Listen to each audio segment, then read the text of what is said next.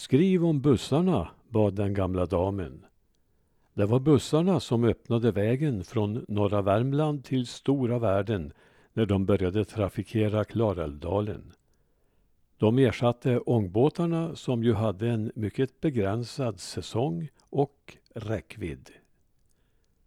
Nya Värmlandstidningen den 5 januari 2013. Jag har själv svaga minnen från slutet av denna bussarnas guldålder som fortgick från början av 1920-talet fram till omkring 1960 då de flesta familjer hade skaffat egen bil. Det var inte bara nyttan, det var också så trevligt på bussarna, fortsatte damen. Och visst var det så. Trängseln var ofta stor i de gula postbussarna som i mitten av 50-talet blev röda GDG-bussar. Samtalen var många och högljudda. På vissa turer var det så många passagerare att konduktören fick stå i dörröppningen. Antalet passagerare till exempel året 1947 var 181 142. En period nödgades man hänga på en släpvagn där man stuvade in resenärer. Men detta var opraktiskt för konduktörerna som hade kassaapparaten framme i bussen. Släpvagnen togs snart ur bruk. En man som vet mer om bussar än de flesta, enkannerligen övre Klarälvdalens busshistoria, är Sven Persson i Karlskoga. Han föddes i Sysslebäck och arbetade på linjen Råda-Långflon under många år. Och inte nog med det.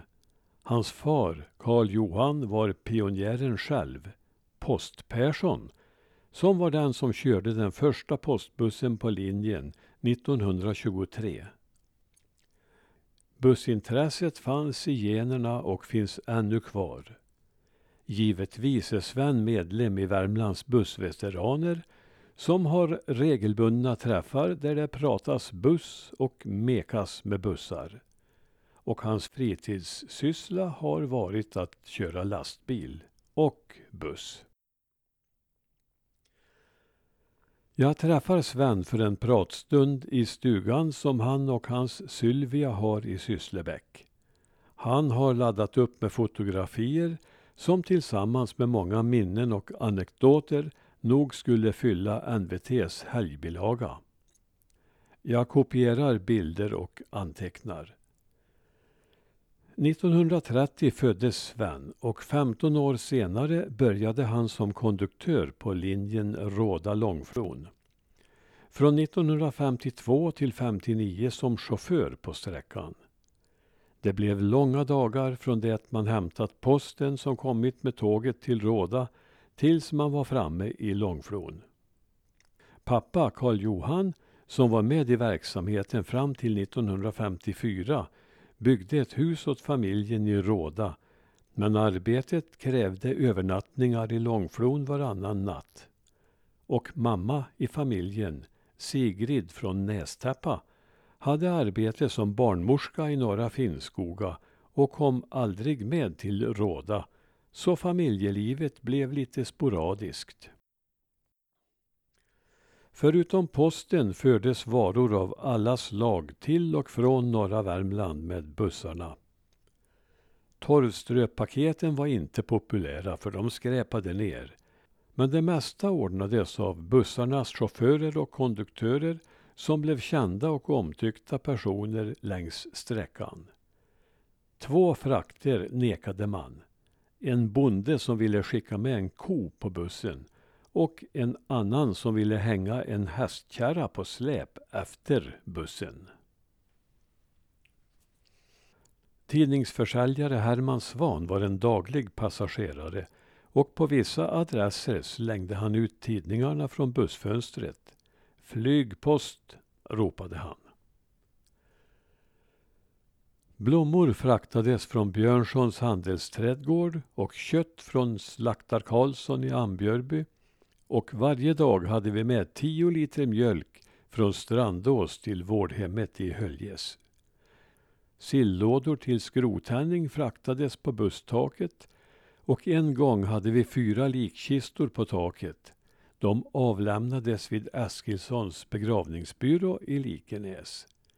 Tilläggas bör kanske att kistorna var tomma. Servicen var utmärkt på de gamla bussarna. Tårtbagerskan Hanna Fröman i Uggenäs stod ofta i vägkanten och lämnade tårtor som skulle neråt dalen. Hon fick betalt direkt av chauffören. Fram till 54 fanns också konduktörer som sedan levererade tårtorna till rätt adress och tog in betalning i näven. 50 öre fick bussbolaget för frakten. Också medicin förmedlades mot efterkrav. Busspersonalen hämtade piller och flaskor på apoteket, betalade och levererade direkt i hemmet till kunder utefter vägen. Brådskan och kravet på att följa tidtabellen var mer av det avslappnade slag som man ännu idag kan uppleva i medelhavsländerna. Det hände att brödet inte var färdiggräddat när vi skulle hämta det på bageriet i Ambjörby, så då fick vi sätta oss och vänta en stund, minns Sven. Det stod man ut med, för de bjöd då på bakelser. Tiden vi förlorat gick delvis att köra igen. Det hände att chaufförer som bodde utefter linjen stannade bussen och gick in hemma och åt middag medan passagerarna fick vänta, får vi också veta av Sven. 1960 flyttade Sven och Sylvia till Karlskoga där Sven fick arbete som chaufför på Nora Bergslags järnvägar. Där verkade han 1961 till 74 sedan fram till pensionen åter hos GDG.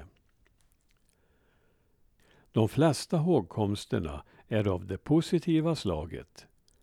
Bland mindre trevliga minnen finns berusade personer som inte lyckades hålla kvar maginnehållet.